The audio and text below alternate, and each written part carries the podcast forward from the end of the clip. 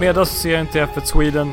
Välkommen till Racing Sweden Podcast. Med mig Martin Lagus och Jens Falk. Ja, det får vi klippa bort kanske. Inte podden. Jo, ah, ja. jo, det kan vi göra. Jaha, varmt välkomna till Racing Sweden Podcast. Absolut första avsnittet. Sjukt kul att vara igång. Ehm, vi tänkte egentligen eh, sätta igång rakt på, dra lite om vilka vi är som kör podcasten. Eh, sen kommer vi hoppa in och snacka lite eh, Bahrain, GP, absolut. Och eh, sen kommer lite andra mycket fina saker som vi snackar igenom. Men eh, häng med. Eh, jag tror jag sätter igång direkt och drar lite om mig. Martin Lagus har väl sytt kanske i eh, grupperna i Facebookgrupperna. Uh, varit aktiv och administrerat och modererat där. Men lite generellt om mig. Uh, från Stockholm, 80-tals född. uh, så jag har vuxit upp i Stockholm, huvudstaden, på gott och ont. från Södermalm Även fast jag är halvfinsk så, så är jag väl ändå södermalmare också. Uh, mamma är från Finland. Mm. Um, men uh, har pluggat på universitetet och uh, jag tror insett kanske för fem, sju år sedan, så jag är relativt ny ändå i, i sport och motorsportvärlden. Sådär. Insåg att racing är ändå den falangen som jag kan ja, om det vill se riktigt hårt så sitter jag och bölar inför ett bra race eller en bra sekvens eller någonting som händer. Så mm. det, det, ligger varmt om hjärtat. Och eh, jag tror eh, första gången jag eh, såg eller upplevde Formel 1 var år 2000 i Monza. Eh, året när Micke Häkkinen och eh, Mikael Schumacher körde och fightades helt andra motorer då. För jag kommer ihåg att jag och brorsan satt på läktaren och spelade in ljudet med en sån här MD-spelare. Ja. Eh, väldigt coolt. Sen bara sjöng det i huvudet när man kom hem efter tv. Ja, det är ju nästan en fysisk, man känner fysiskt de där uh, motorerna i, i, liksom i bröstet nästan. Ja, det var, det var, en, det var en annan ja. upplevelse. Det kan man ju sakna på, utan att försöka komma in på hela debatten om ljudet och sådär. Men, uh, den är lång. Ja. Uh, men um, har sedan dess varit på två till stycken race i Monza så att uh, ja, nu kanske det är dags snart att besöka en till bana, inte bara åka ja. samma. Um, men det är väl det jag håller på med och på vardagarna 9 till 5 jobbar jag som agil coach. Det är typ vad ska man säga effektivitetscoach ehm, um, eller effektivitetsmanager på ett it-bolag som heter iSettle eller Settle numera, ägs av Paypal. Um, men för att runda av mig, jag kör så mycket jag bara kan på fritiden eh, offroad motorcykel, eller just nu enduro. Mm. Långsiktiga planen är att försöka ta mig in och köra Rally Raid tävling, delvis då eh, Dakar. Eh, så det är min hobby också, det går mycket tid. Eh, så att, ja, fullbokade helger. Mm. Så, så ser mitt liv ut och det, det är jag typ. Ja, ja. Men kör lite om Jens. Lite om mig. Uh, jag uh, är, uh, definierar mig själv som komiker kan man väl säga då. Alltså, jag, jag, håller på med stand-up, har gjort det i 6-7 år. Um, och har poddat rätt mycket, speciellt nu det senaste året när det inte gått att stå på scen så har, jag, har det blivit väldigt mycket poddande faktiskt. Mycket humorpoddar, så här, har tre andra poddar som jag håller på med och, och, och gör. Um, ja, vad mer? Jag eh, jobbar som, till vardag som eh, bilmekaniker eh, på Bilia. Så skruvar helt enkelt. Ehm, ja, det är väl det som jag gör, eller man säger. Mitt racingintresse skulle jag säga föddes uh, under supertouring-eran, slutet av 90-talet. Eh, med eh, ja, Rudell till exempel och i, i, i S40 och det där BTCC helt enkelt. Det var kanske en av de coolaste racingkategorierna i historien enligt mig. Då. Um, så att där mm. föddes väl intresset. Sen så var det bara fotboll för hela slanten hela tonåren och sen så återupptäckte jag väl liksom motorsporten av ren slump tror jag. I 20-årsåldern och varit så här, men shit, det här är ju nice. eh, och så följt mm. Formel 1 slaviskt ska jag säga sedan 2012 i alla fall. Um, har varit på ett race och ett, eh, och ett försäsongstest. Så racet var jag i, på Hockenheim 2014. Eh, och eh, ja, såg Marcus köra bland annat. Eh, han halkade runt där bak i sin hopplösa traktor, Caterham-traktorn. Ja. Men, eh, nej, men det var, eh, var ju en, eh, en jävla upplevelse faktiskt. Speciellt efter racet att att man fick gå ner på banan och, och gå hela bansträckan och plocka upp gummirester från däcken och sådär. Det var, nej, det var, det var helt sinnessjukt ballt faktiskt.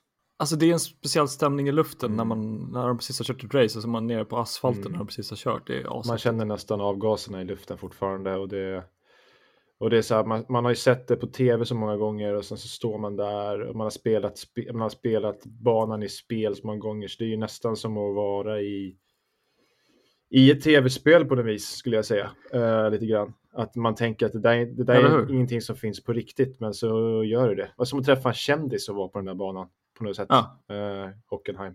Ja, man blir lite starstruck. Bara, oj, den här kurvan. Ja, oj, precis. Oj. Och man tänker så här. Uh, Hockenheim är ju lite speciellt för de byggde ju om den banan där. Ja, 2002 tror jag de byggde om den för den gick ju in i skogen där förut. Så man kunde ju nästan känna hur Senna har dundrat förbi där innan och det var, äh, det var gåshud fan i en och en halv timme var det tog att gå den här banan. Eh, sen, så, ja, sen så var jag i Barcelona eh, 2018 på försäsongstesten där.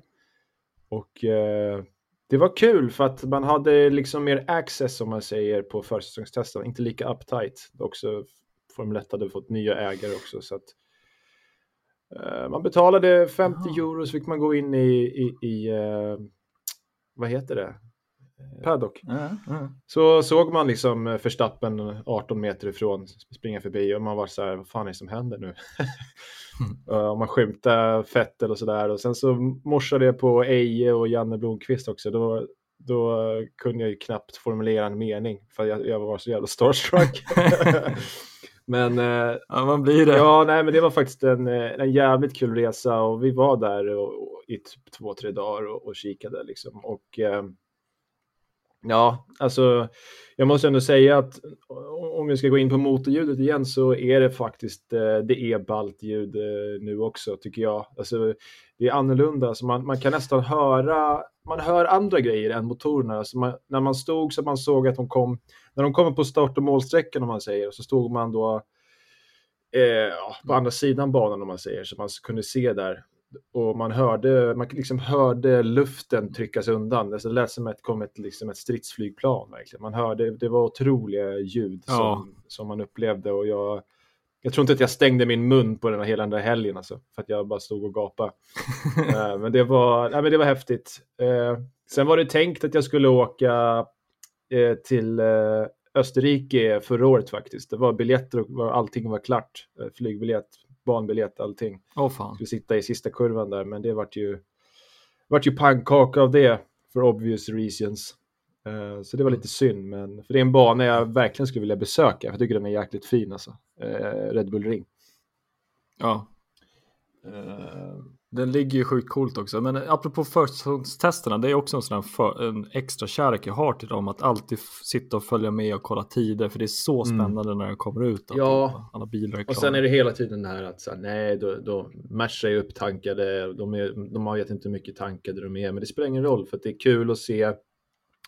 Det, dels är det kul att se alla nya liveries och kanske nya föraren. Att man ser Fettel för första gången i grönt och sådär. Men sen så är man ju så svältfödd för man har inte sett, man har inte sett någonting på tre månader så att man, är, man tar vad som helst eh, nästan och bara sväljer det med hull och hår nästan. Nej, det är en speciell känsla. Jag är glad för en liten ny sponsor. Mm. Ja, nej men så att det är väl det. Alltså jag, jag är väl, eh, eh jag skulle säga att jag har en extrem passion för Formel 1 eh, faktiskt. Jag jag tittar på alla träningar och kval och race såklart. Och eh, nej, alltså jag har varit verkligen biten av biten av det i ja, 2012 där och eh, ja, vad ska man säga? Jag, jag, jag älskar det. Det är verkligen, jag, jag har varit lite fotbollskille innan men det är så här, nej. Fotboll har inte en chans på Formel 1 faktiskt. Nej, nej det, det, det, har de inte. Nej, och det är också så här, det som är bra med Formel 1, om man säger så här, att följa, att det är väldigt lätt att ha en översikt över allting som händer. För det är 20, 20 gubbar och eh, 10 team, så det är ganska lätt att ha en överblick över vad som händer hela tiden i, i mästerskapet och i sporten och bakom kulisserna. Så där. Om man tar typ en sport som fotboll så är det liksom det är väl liksom, det är väl tusen olika lag. Det är svårt att ha, förstå vad jag menar, att man kan ju heja på ett lag, men man har, det är svårt att ens ha koll på en liga kan jag tycka. Eh, så det är lättare att följa och kunna mycket och, mm. och förstå sig på eh, Formel 1.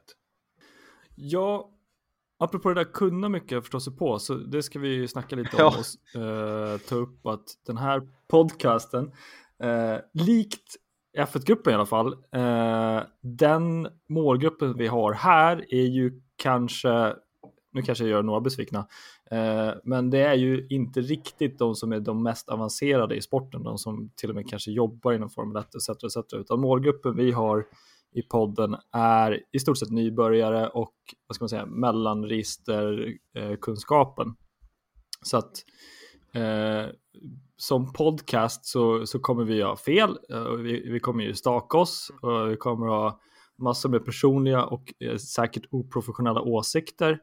Och mm. Vi kommer ibland även ha rätt och, och, ha stolpe ut och ibland har vi rätt. Men eh, syftet är väl också att kunna kanske få feedback och skapa kommentarer och om vi är helt ute och cyklar så folk eh, rätta oss om vi har gjort fel. Liksom.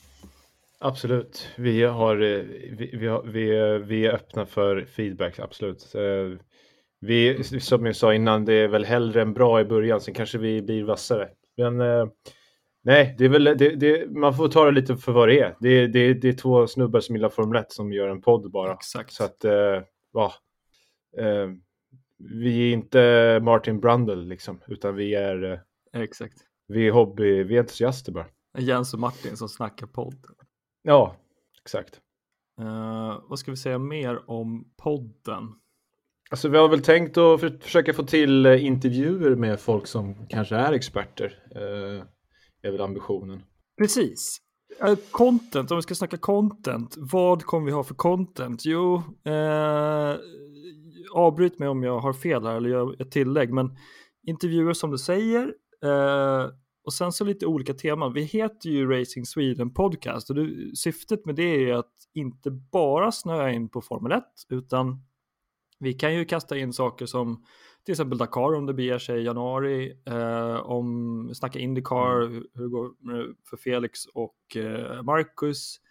Eh, vi kan prata mm. om Dino Beganovic senaste eh, progress.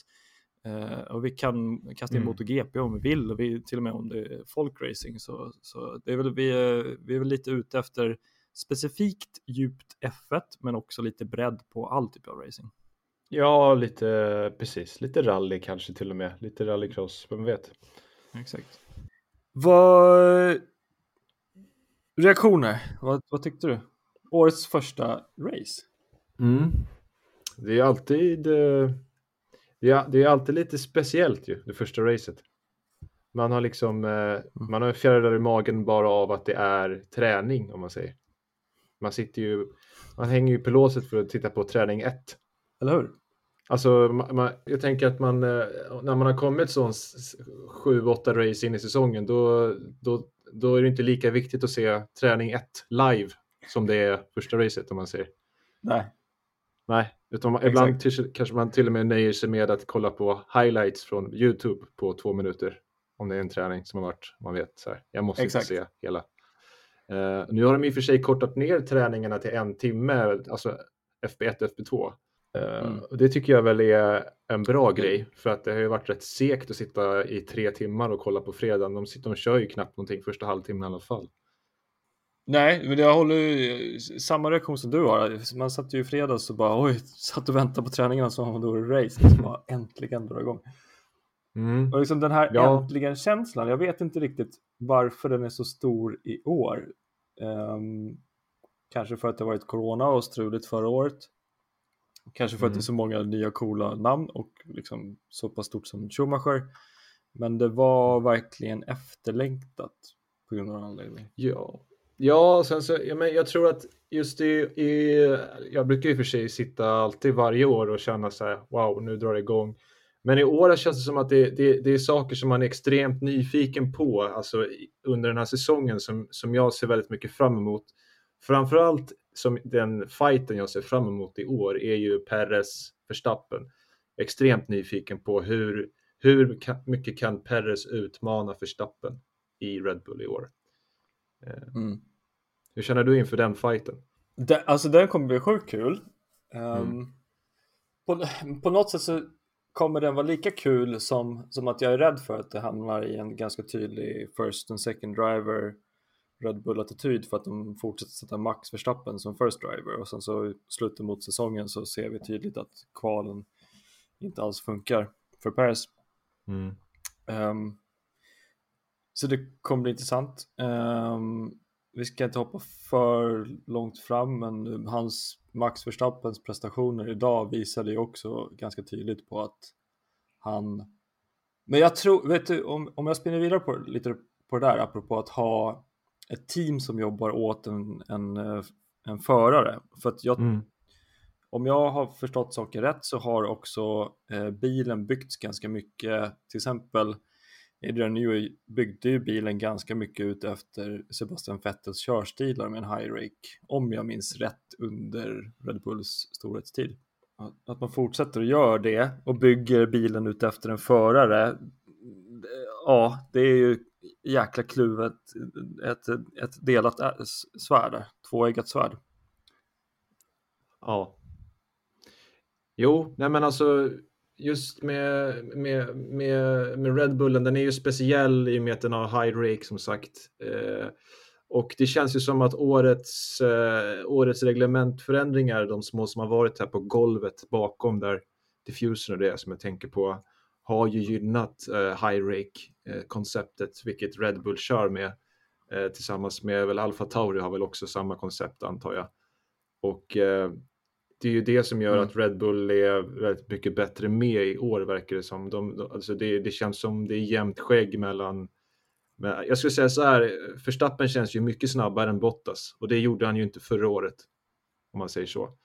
Eh, jag var ju mm. lite, lite besviken när jag såg hur långt efter Perez var stundtals under helgen, men sen när det väl kom till Q3 där så tycker jag att han låg väl ändå tre tiondelar bakom och det tycker jag är godkänt efter första helgen och sen med tanke på vad som hände idag med att Perez bil i princip stängde av sig på outlap.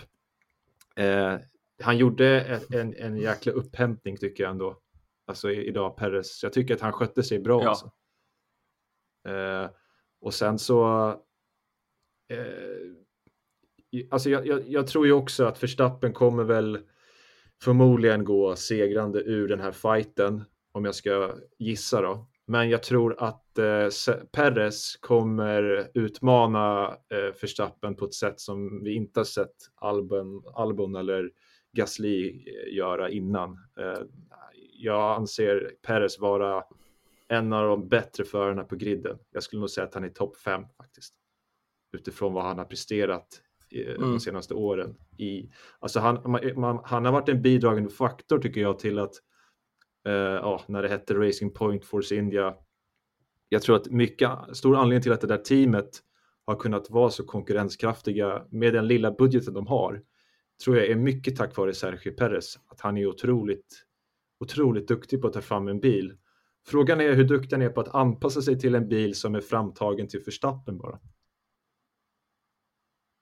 Mycket bra fråga. Alltså det, det, där tror jag det kan bli svårt för Perez för att jag tror de har tagit, tagit fram bilen ganska öppet efter Verstappens körstil med en high rake etc. etc. Jag vet inte om det var speciellt mycket low rake, high rake på Force Indian, nuvarande Aston Martin. Men mm.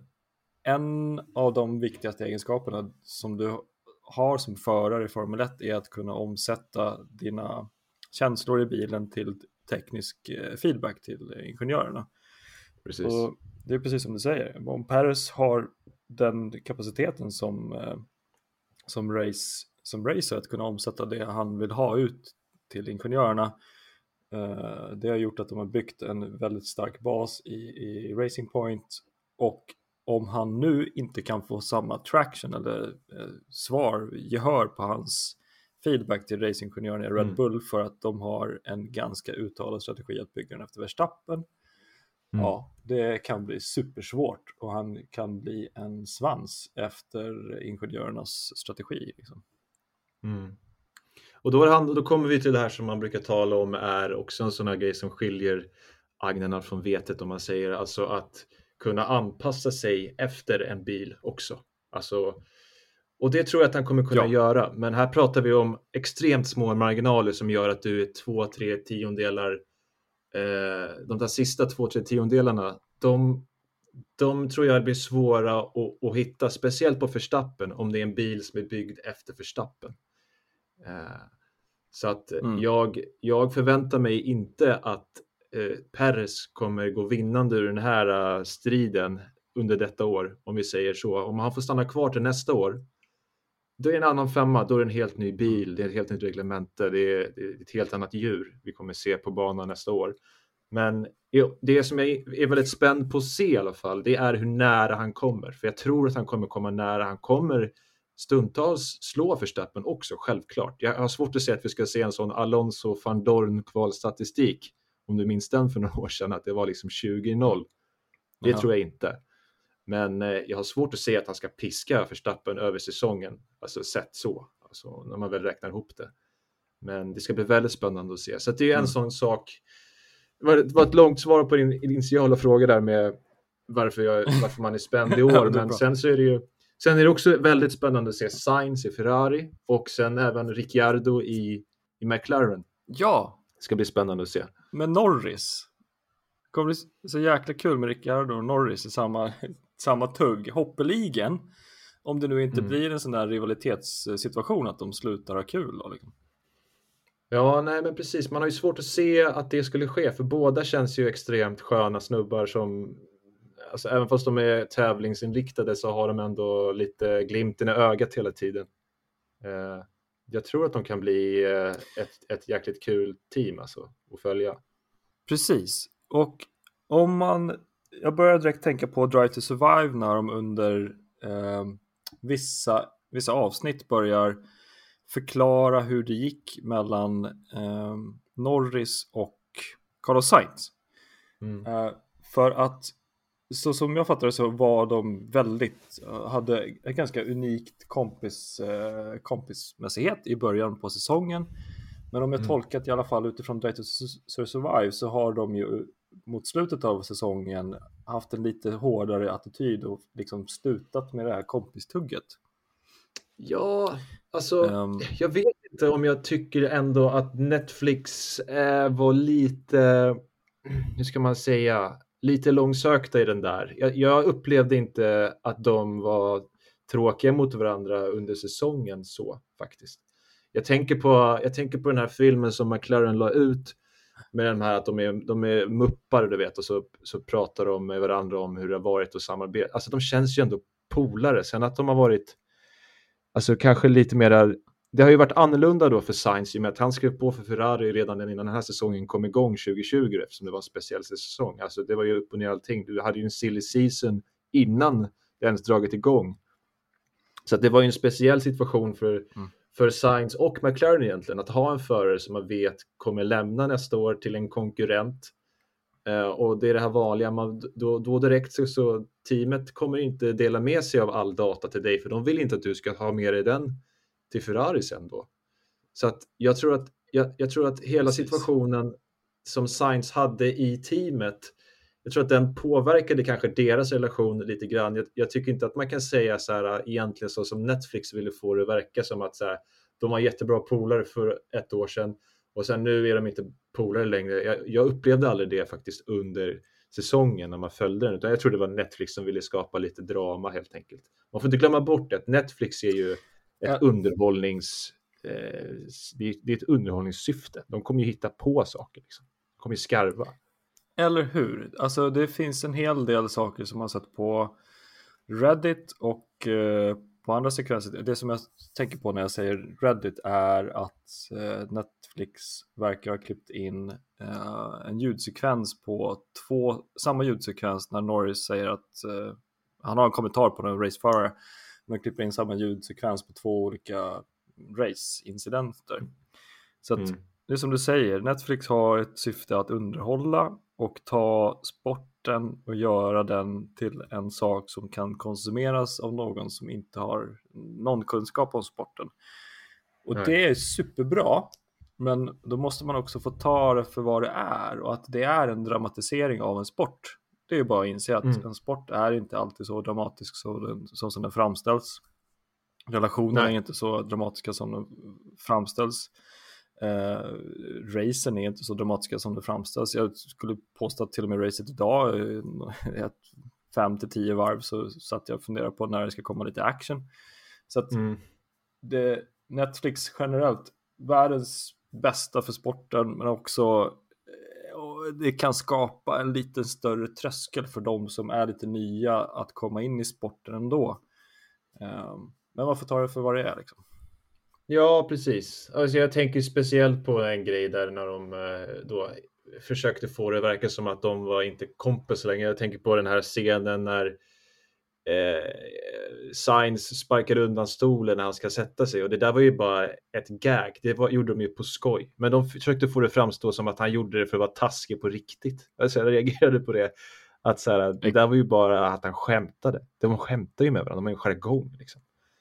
Eh, så det blir lite fånigt när man Exakt. får det verka som att nu, nu försöker de skada varandra, liksom, eller vad, fan, vad de försöker få fram. Så det, så det är så här. Men det är som du säger, det, alltså den här Drive to Survive har ju fyllt en extremt viktig funktion. Och jag, menar, jag, jag hörde idag att MotoGP håller på nu och ska i, i princip kopiera det här. De vill också ha en serie om MotoGP för man ser hur mycket det har gett Formel 1 och intresset.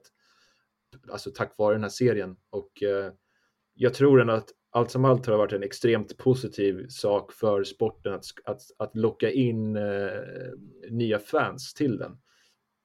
Eh, så att jag är extremt positivt inställd till Drive to Survive. Sen så kan man ju såklart ha lite åsikter om det. Jag håller med. Det som jag tänker på är också vilken kapacitet de har använt för att utveckla Drive to Survive, i alla fall fjol, alltså det här årets säsong som kommer ut nu för en vecka sedan. Mm. Uh, om jag fattat det rätt så är de inte speciellt många som uh, driver, alltså som inspelningsteamet är, dels på grund av corona och dels på grund av budget, I guess.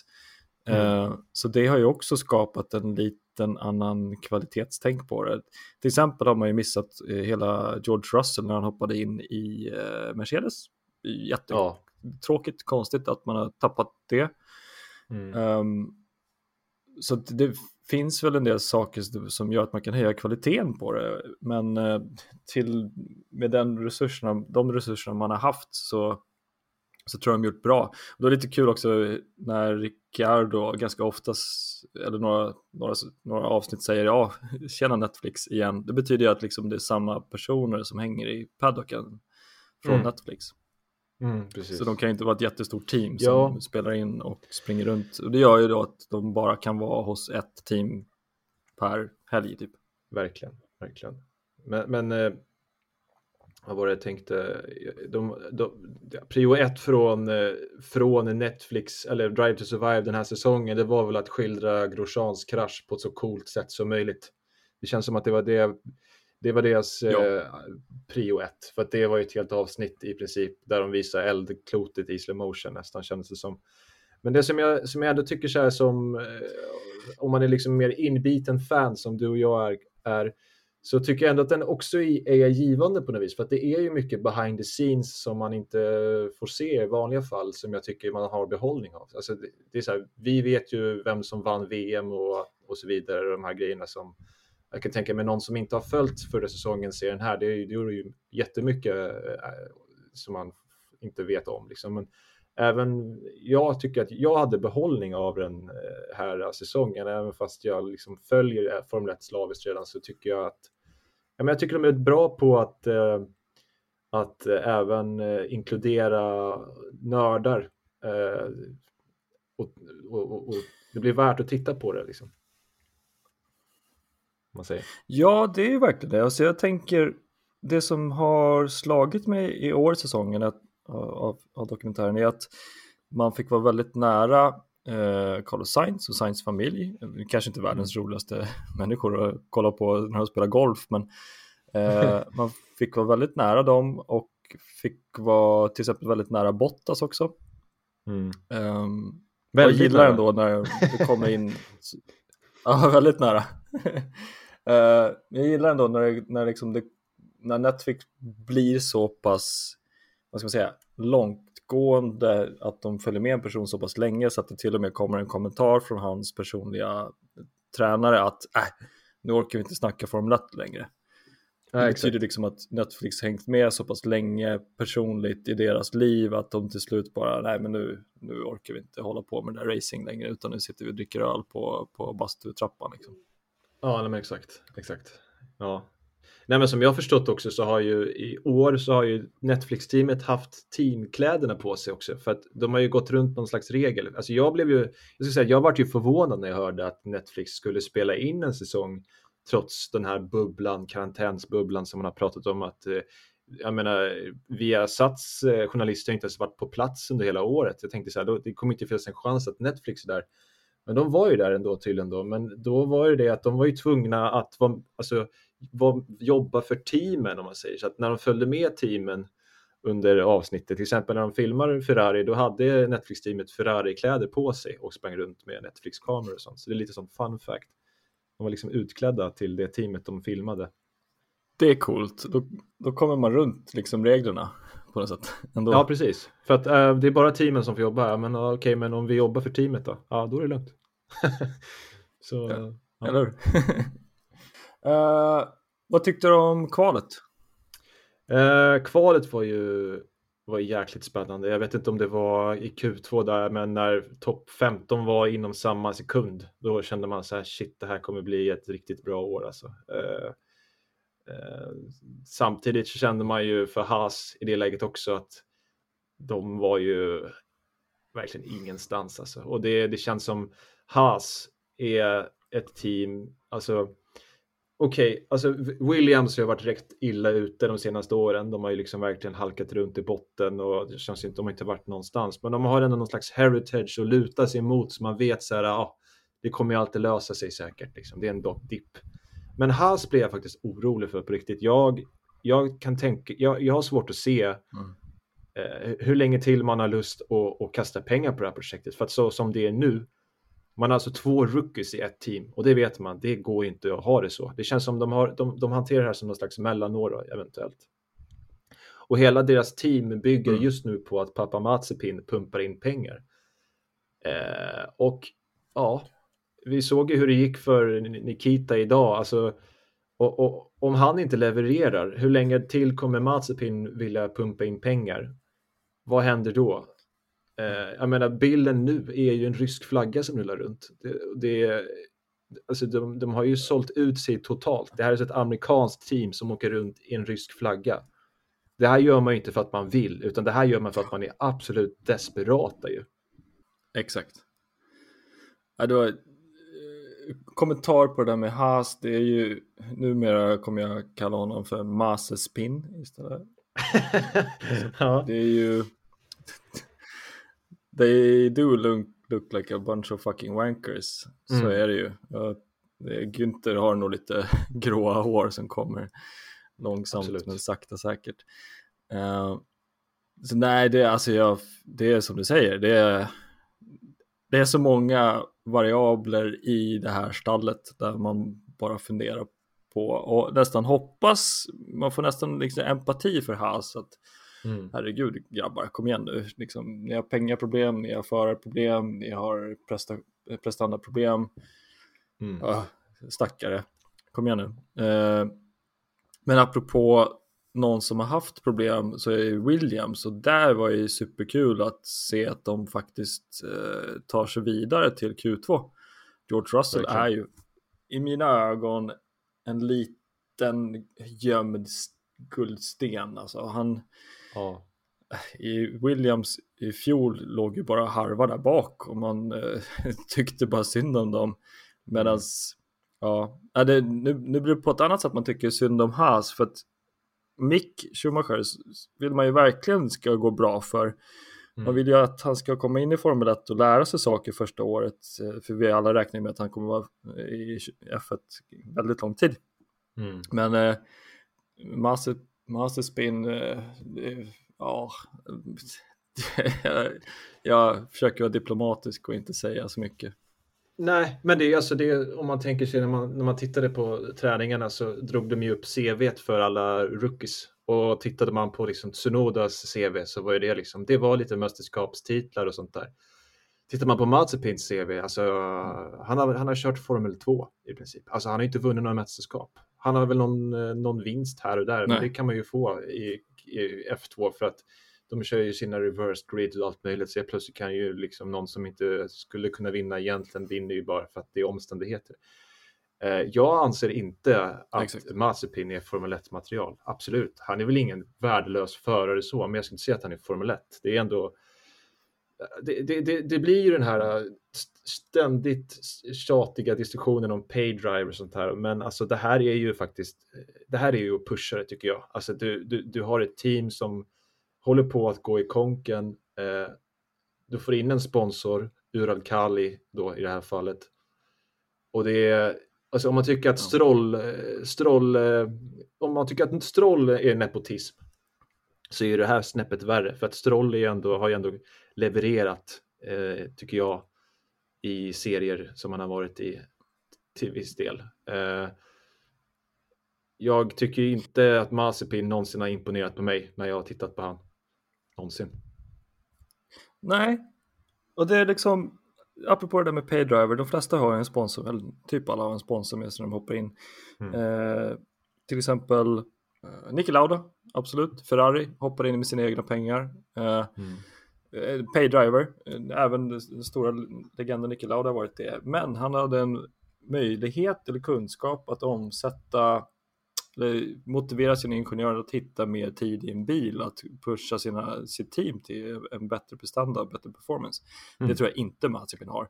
Eh, han har pengar och så eh, Racecraft, no. Eh, Nej. någon annan typ av kunskap, nej. Alltså det är Nej. Det pengar han har och typ that's it. Ja, precis. Sen är det väl så här, äh, absolut, han är väl förmodligen snabbare än vad du och jag hade varit i en Formel 1-bil. Men det är inte det vi pratar om heller, utan vi, alltså om man jämför om man jämför han med eh, de andra förarna i, for, i Formel 1, så om, om vi jämför han med till exempel eh, Sunoda, om vi tar han som exempel, eh, eller Mick Mm. Schumacher till exempel. Så jag kan ju tycka att det var väldigt synd att, att Schumacher inte hamnade i Alfa Romeo. Eh, jag varit förvånad. Jag tänkte att nu har Giovinazzi fått sina chanser. Jag förstår inte riktigt vad Ferrari är ute Exakt. efter när man har både Schumacher man satsar på och Giovinazzi. Eh, jag vet inte, det är väl bättre att ha en junior som man satsar på. Jag tycker Giovinazzi, han är väl okej, men eh, jag vet inte. Vad, vad är planen för Giovinazzi? Vad, vad, det, vad tänker man att han ska... Han, man tog inte upp han i Ferrari nu till exempel. Eh, så jag, jag tycker det är konstigt när man har en, en juniorförare man tar in och sen så har man då, säg Ferrari, de hade Vettel och så hade de eh, Leclerc. Och sen så gör man sig av med Vettel. Då är det, det naturliga steget att då tar man ju in den här junioren. Om man inte gör det, då kommer man ju förmodligen inte ta in den junioren sen heller. Så varför satsar man vidare på den då? Har Nej. man inte liksom, vet du vad, vi har provat dig nu. Eh, vi satsar på, på, Mm. på, på Schumacher istället. För att Schumacher kommer se ut som eh, en, en wanker då, för att citera. Alltså han kommer inte kunna, Nej, alltså det, det, han, det kommer bli som Russell, att han kommer verka dålig, fast han är förmodligen inte dålig. Eh, visst, om han piskar Precis. Mazepin i varenda race så kommer det ju vara som när, när Russell piskar Latifi varje race. Så då kommer man säga så ah, men han slår ju sin teammate i alla fall. Men en- hur mycket är det värt om de kommer 19 istället för 20? Det, alltså det, det, det ser ju inte bra ut och det, ditt självförtroende kommer förmodligen eh, drabbats av det också, att du hela tiden ligger och snurrar längst bak. Vad gör det med en förares psyke att, att gå från att vara en, en, en, en, liksom en winner till att alltid acceptera att man är längst bak och att man är så här, nu är vi halvvägs in i racet, nu är det dags för varvningar. Man ser en jävla blå flaggan hela halva racet. Mm. Liksom. Vad gör det med en förares psyke? Jag tror att det är en mm. dålig grej. En psykologiskt dålig grej, alltså i längden att vara med om. Jag tror att det kan vara bra utifrån den aspekten. Men jag, jag, jag förstår det, jag, jag, håller med dig, din synpunkt. Men jag tror att det fortfarande kan vara bra i, i den aspekten att man tänker så här att jag heter Schumacher. Jag mm. kommer jag, jag, kommer ha flera chanser på flera team och för att en, säga, en normal dödlig människa som inte heter Schumacher och hoppar in i Formel 1 mm. den tar ju ett, ett bottenteam för att han kan göra det och för att det är en möjlighet. Och sen mm. hoppeligen kunna stanna kvar. Mm. Jag, jag och de flesta är väl gissar, gissar brutalt på att Schumacher har minst två, tre, fyra år eh, i F1 för att visa vad han går för. Och mm. jag tror att det är en bra strategi för honom att hoppa in i ett dåligt team, köra med en dålig bil för att lära sig vad, hur det känns när det är dåligt. För att han vet att han kommer kunna köra år två, tre, fyra och förhandla sig till en mycket bättre team, team efter, efter tidens gång. Så att jag tror det är ganska smart av Schumacher hoppa in i ett litet dåligt team där han, han behöver inte prestera, han kan flyga under radarn, han behöver inte eh, ligga på poängfighterna. Han har ingenting att bevisa. Eh, han kan bara ligga och skvalpa runt med en dålig bil och eh, ja, fightas mot en Mazepin. Och där är ju socialt sett så har han ju redan vunnit den där fighten inom teamet tror jag. Att han kommer bli liksom, mm. ja det är ju Ferraris, Schumacher är Ferrari-kopplad eh, så det skriker om det. Så mm. Mm. Eh, jag tror det är det hans strategi är att göra istället för att gå och eh, hoppa in i Alfa Romeo. Det kan finnas en poäng i det där som du säger, men jag tror också så här. Um, hade han, alltså, grejen med Schumacher som, som man har, har förstått med han är att han, han behöver lite tid på sig att komma in i det. Det var samma sak första säsongen i F2, det var liksom ingen succé. Utan det var andra säsongen han kom in i det och var bra. Liksom. Och så har det ju varit för han i alla kategorier han har kört i. Han har behövt något år på sig att komma in i det och sen har han levererat. Så absolut, det kanske är bra att han eh, skvalpar runt i en has, men jag tror han hade jag tror han hade kunnat göra det här i Alfa Romeo lika gärna och fått lära sig av Reikonen. Tror jag hade varit väldigt värdefullt att vara teammate med Reikonen. Exakt, och där fattar jag inte varför man inte gjorde så. Det, det måste finnas ett klart svar varför man inte är teammate med Kimi. Det är så mm. uppenbart att du ska vara där och lära dig av honom. Precis. Det måste ju vara någonting som jag gissar på att Giovanazzi är italienare och man vill kunna försöka få in en italienare i Ferrari så småningom. Alternativt mm. att Giovanazzi har så pass mycket pengar att uh, han och uh, ja, vad ska jag säga, Schumacher kanske inte har de pengarna han kan pusha in då rakt. Det måste han ju ha, jag förstår inte riktigt. Ja, alltså jag tror att Schumacher har nog starkare sponsorer med sig än vad Giovinazzi har. Alltså jag vet inte om Giovinazzi har några sponsorer förutom Ferrari med sig, om jag ska vara helt ärlig. Uh, jag tänker på reklamen mm. på bilen de har.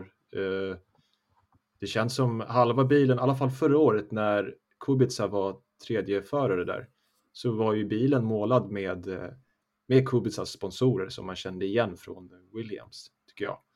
Uh, jag vet inte om Kubica är tredje mm. förare den här säsongen också, uh, men det verkar ju som det. Men alltså Schumacher har väl den här ja, men, pappas gamla sponsorer med sig, de här, den här banken eller vad den heter. För, ja, Eh, den tyska banken som, som Schumacher hade på kepsarna ibland. Eh, så jag tror nog att han har, eh, liksom, han har en backup. Som, men ja, jag vet inte, jag, jag, tyckte det var synd att, att han hamnade i Haas och inte i, och inte i, i Romeo. Och sen så tycker jag väl också att jag hade nog gärna sett kvar, sett Kevin få, få stanna kvar i, i, i Haas. Jag, jag ser inte att han förtjänar att åka ut faktiskt. Eh, Romain Grosjean däremot kände mm. jag, han är klar. Men eh, Kevin kände jag, det var lite synd faktiskt. mm. lite som Hylkenberg, du är, inte, du är inte klar här än. Så känner jag med, med dem. Ja, verkligen. Det, det är ju F1s hårda sång på något sätt att även en bra förare åker ut när det är då, ett dåligt team var de i och för sig, men att du åker ut som du inte kan leverera pengar. Mm. Och det, jag kommer att tänka på att uh, Haas, Günther Steiner då hade så brutala utmaningar med att ta in en sponsor och det stod och föll på Nikita Mazepins Urakali, uh, mm. vilket också tolkar som att eh, Mick Schumacher inte har så mycket pengar eller kanske väljer att inte ta fram plånboken för att kunna köra i Haas. Nej, och sen så var det ju att eh, det var ju företag som ville ha in en tysk förare också. Som de sa i, i Drive to Survive, där kunde man ju se det. Att han, han, det var ju någon sponsor där, som, men de ville ha en tysk förare. Och eh, det är ju Schumacher, så det kan ju ha varit det också som Exakt. gjorde att de verkligen ville ha in um, ha innan där. Men för, för att återkomma till kvalet då, så nej, men det var ju kul som sagt hur jämnt det var. Um, jag tycker att det var ja, riktigt kul att Max tog pole. Um, det är som de tjatar om i sändningarna. Det är förvånande att han bara har fyra pole egentligen med tanke på hur snabb han är. Men jag tror att han kommer nog öka på det kontot den här säsongen, eller vad säger du om det? Eh, jag tror det. Dels för att Red Bull har hittat någon lite extra, jag tror i motorpaketet. Om jag tolkat det rätt så har inte de ändrat så mycket sitt designkoncept med hög rake. Um, mm. Att Max bara har fyra stycken poles är supersvårt att säga varför. Eh, men jag tror vi också ska vara lite försiktiga med eh, att döma Red Bull versus Merca än för att om jag har fattat det rätt så är Bahrain eh, en ganska mycket eh, high-rake bana. Eh, ja, jo, absolut. Eh, annars tänker jag att Mercedes brukar vara bra på banor med snabba kurvor, vilket Bahrain har en hel del snabba kurvor. Eh, och eh, har väl Merca har väl varit rätt bra på Bahrain de senaste åren, om jag inte minns fel. Eh, egentligen. Så att det, det här var ingen bana som är dålig för Mercedes heller, skulle jag säga. Kvaltider på Bahrain. Lewis Hamilton 2020, eh, Charles Leclerc 2019, Sebastian Vettel 2018, Bottas 2017, Lewis Hamilton 2016 eh, pole positions i, i Bahrain. Men eh, han, är, han är snabb, Max Verstappen. Han är supersnabb och eh, sjukt duktig förare. Det känns som att han kommer mer och mer in i bilen och de bygger mer och mer bilen åt honom. Um, mm. Så det är superkul att de verkligen är på en seriös utmanare till Merca i år. De känns ju närmare än eh, någonsin faktiskt. Eh, jag vet inte hur mycket önsketänk det är eller hur mycket det faktiskt är så eh, kanske då, men det känns ju ändå som att idag utmanade Verstappen Hamilton på ett sätt som Alltså i vanliga fall när Hamilton har haft problem i ett race så här mot slutet så har det ju varit att det har hänt någonting. Men nu tycker jag att Red Bull utmanade på ren speed. Alltså. Ja. Uh, hade, hade det inte varit för att uh, Max körde om uh, utanför banan där och han tappade ju momentum helt och hållet liksom, så var tvungen att lämna tillbaks platsen och så där så då hade ju Verstappen hade ju slagit Hamilton fair and square. Och, då, och, och, det tycker jag jag, jag får en känsla av att det här är så här nära har inte Red Bull varit Mercedes innan. Sen såklart, man ska inte dra för stora växlar efter ett race, men ändå. Track limits. Ja, exakt. Den eviga, den eviga ja. debatten om track limits. Ja. Ja, vad ska man säga? Det, det, det råder väl eh, lite delade meningar om huruvida det där gick helt rätt till alla besluten och hur man såg på just den kurvan. Just det. Um, det här tycker jag är intressant. Alltså, uh, man har på olika sätt läst om, om uh, liksom vilken, vilken princip det gäller inför beslutet, vilka typer av uh, värderingar. Så har vi också sett eh, data från Hamiltons bil när han är utanför eh, en majoritet av varven och eh, när han så att säga inte racear någon tar ut kurvan och ligger utanför track limits. Eh, men rätta mig om jag har fel så kan det vara så att eh, domarna tittar i synnerhet på att du eh, när du ligger i fight med någon annan och du kommer utanför track limits för att tjäna position i den fighten eller tjäna fördel i fighten. Det är väl då man går in och mm. säger specifikt att du får en varning eller du får inte göra så här. För att annars förstår jag inte domarnas principiella kommunikation eller beslut när man tillåter vissa förare att gå utanför versus ibland tillåter man det inte. Vad Nej. tänker du? Eh, Jo, men alltså, jag har läst vad Michael Masi, hur han förklarar hela det här då med det vi pratar om är ju alltså när Verstappen tar sig förbi Hamilton på utsidan, alltså utanför banan och går om och blir tillsagd av teamet några kurvor senare att släpp förbi Hamilton. Vi har fått det över radion från domarna. Exakt. Och eh, han gör det och tappar momentumet och eh, ja, däcken där börjar väl helt enkelt eh, neutralisera sig lite grann. Han har inte det övertaget längre. Han, mm. han hade bara den, en laddning så att säga för att göra en attack på, på Hamilton. Och eh, det som, om man säger så här, första reaktionen man har, man tycker att det är märkligt att Hamilton, han är ute, jag tror 30 gånger och åker under racet där eh, Verstappen körde om. Mm. Och det Michael Masi säger är att eh, Verstappen åker inte dit på track limits utan han åker dit på att han gör en omkörning utanför banan och det är en helt annan sak. Exakt. Eh, vi måste också komma ihåg att, att domarna har alltså en hel del fler vinklar än vad vi har när vi kollar på tv. På tv tycker jag det ser väldigt mycket ut som att Verstappen blir uttryckt av eh, Hamilton och att han är tvungen att åka där. Mm. Men om man tittar ganska noga så är det inte så, utan Verstappen laddar eh, den kurvan så pass hårt att han inte kan hålla sig eh, innanför track limit som man säger, utan han, han tar i så hårt att han måste åka där utanför och vinner fördel av det och kör om. Och det är det som gör att han är tvungen att lämna tillbaka platsen. Det är inte det att han är utanför banan han blir bestraffad för, utan att han kör om utanför banan. Det är det som är skillnaden. Exakt. Sen var de ju väldigt fram och tillbaka under helgen med det här, om det var okej okay att åka det eller inte. Och jag tycker så här, banorna är ju byggda ibland ganska dumt. Eh, det, det, man, ska, man ska tänka, eh, ibland ska man tänka att det är som att det står en vägg där. Mm. Eh, nästan. Men det gör inte det och då kommer förarna alltid ladda på som att det inte gör det, för det gör inte det. Mm. Ehm, de, de, kommer alltid åka så långt de bara kan, tänja på gränserna så mycket det går. Står det en vägg där eller om det är en sandfålla, då kan du ge dig fan på att det inte är någon som åker där. Men om det bara är asfalt, då kommer de göra det och då blir det så här. Precis. Du tar ju alltid den spacet du kan ta i, i en kurva om du kan ja, vinna lite fördel med det. Och i synnerhet som förare så tar man ju alla de chanserna att nyttja gråzonerna om vi säger så då Uh, om det kan ge dig en mm. fördel. Så det är så självklart att Hamilton fortsätter nöta utanför track limits och uh, kör på det. Jag tror säkert flera också gjorde det. Nu har vi bara sett uh, onboarding camps från Hamilton. Att man kör på det tills dom mm. domarna säger till.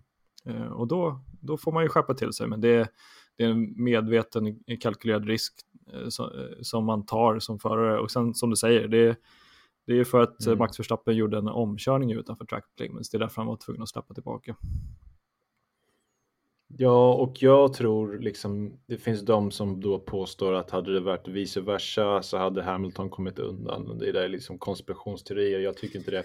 Nej. Jag tycker att det var en korrekt bedömning faktiskt. Han kör om utanför banan, vilket man inte får. Det finns ingenting att diskutera. Jag tycker inte att han blir jag tycker inte att han blir uttryckt som, eh, som jag har hört att vissa tycker att han blir. Jag håller inte med om det. Det ser lite grann ut som det, men han, han behöver inte, han är inte tvungen att åka sådär. Sen visst, Hamilton är ju, han håller ju sitt spår där. Han, varför ska han flytta på sig? Han håller sitt spår, han trycker inte ut någon. Så att, eh, nej, jag tycker det var en korrekt bedömning faktiskt. Och där tycker jag faktiskt man visar lite senioriteten från Hamilton och junioriteten från Max Verstappen. Även fast Max absolut börjat ta mm. stegen mot att bli en seniorförare och uh, världsmästarmaterial, absolut.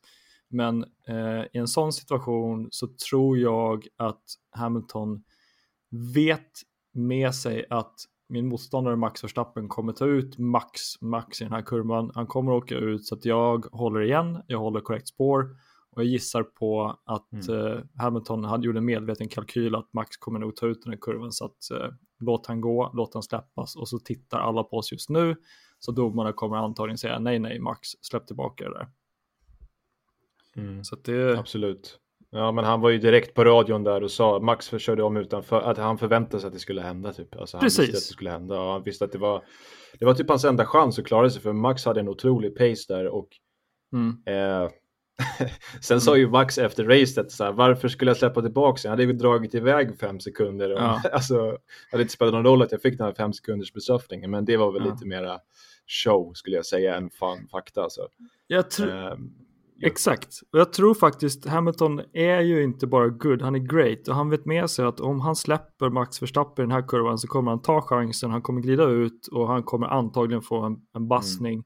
och hans däck pallar inte att göra till försök. Så att jag tar, jag lämnar han lite space här nu så att han gör en attack, han försvinner ut och sen ja, kommer domarna se det och så får de släppa tillbaka. Jag, jag, jag, jag, vill, jag vill påstå att det här säkert inte är osannolikt att det har passerat Hamiltons huvud när han kör mot honom. Nej, jag tror uh, om det är någon förare som, som tänker så smart så är det förmodligen Hamilton som gör det. Mm. Alltså det, det är ett om det är medvetet, vilket, vi, vi, vi kommer överens om att det är det då. Vi gör det. Så skulle jag säga att det är uh, briljant gjort av Hamilton faktiskt. Och, och, och vara så iskall och, och liksom lura lite grann Verstappen. Det, det var lite schack, det var ett schackdrag där. Exakt. Som var, ja, han blev av med drottningen verkligen i det schackdraget. Det var riktigt snyggt. Ja, för han sa ju det, Hamilton, redan, jag tror att när det var 16 eller 10 varv kvar, att han visste att Max kommer att attackera. Så att det var ju bara att välja när och var han kommer göra det. Mm. Mm. Ja, men verkligen. Uh, nej, så jag, jag, jag tycker uh, det är, det är case closed. Det är mm. korrekt bedömning och eh, riktigt, riktigt bra racecraft faktiskt av Hamilton och, och, och pull it off. Exakt. Jag och jag hoppas Max omsätter det. Om det nu är så, så att våran eh, eventuella analys och slutsats kan stämma så hoppas jag Max också tänker på det här och omsätter det i nästa gång. Att eh, han som jag kör mm. tänker på hur jag kör så att jag måste köra på, eh, jag måste bryta mina signaler, bryta mina rutiner för att min motståndare inte ska kunna läsa mitt racecraft. Eh, och Exakt. Det tror jag att Max kommer kunna vinna Hamilton på i år i sådana fall, om man lyckas låsa upp det här. Mm. Alltså det är ju kombinationen av Max fart. Eh, det som saknas är ju de här eh, smarta grejerna som jag tror tar tio år i Formel 1 innan du, innan du gör. Mm. Men eh, när Max har det där, vilket han alltså, otvivelaktigt kommer ha, då kommer han eh, bli helt livsfarlig. Han, om det är någon som ska slå Hamiltons eh, rekord, vilket jag tror Hamilton kommer nog slå det här rekordet, alltså åtta mästerskap i år. Yes. Eh, då, om det är någon som ska slå det så är det förmodligen Max. Eh, Max kommer vi se i den här sporten i många, många år framöver. Mm. Är, han, han kommer vara en Alonso som är där och, och, och, åker runt när han är 40 nästan. Det... Apropå eh, senioritet i, i Formel 1 så har vi ju Kimi Räikkönen 20 år i sporten. Eller med viss disclaimer mm. att han tog en paus och körde lite rally. Uh, Mm. Men det är ändå coolt. Uh, och apropå att jag var och kollade på F1 år 2000 så var det året innan Kimi Räikkönen började köra. Så det, vi har en uh, Just det. ganska intressant grid som är, det är, det är senioritet med teamet uh, mm. Alonso, Ferrari och Kimi. Jag såg någon kul eh, graf där på hur gamla resten av förarna var när Kimi gjorde debut. Exakt. 2001. Uh, och det som slog mig var att Yu, uh, Yuki Sonoda var alltså nio månader gammal mm. när uh, Räikkönen gjorde sin debut. det är lite sjukt. Uh, det sätter lite perspektiv på det ändå. Ja, men det gör det. Det är, det är ett kul perspektiv och uh, jag undrar om vi någonsin kommer ha samma situation igen. Vi, vi får se. Ja, nej precis. Han är lite sportens buffon om man säger. Alltså, han vägrar, vägrar ge upp. Ja. Eh, men eh, nej, jag tycker det är kul. Eh, sen får man ju inte glömma bort att det det var ju det som kostade Marcus Eriksson platsen i Alfa Romeo att Räikkönen vägrar lägga hjälmen på hyllan också. Precis.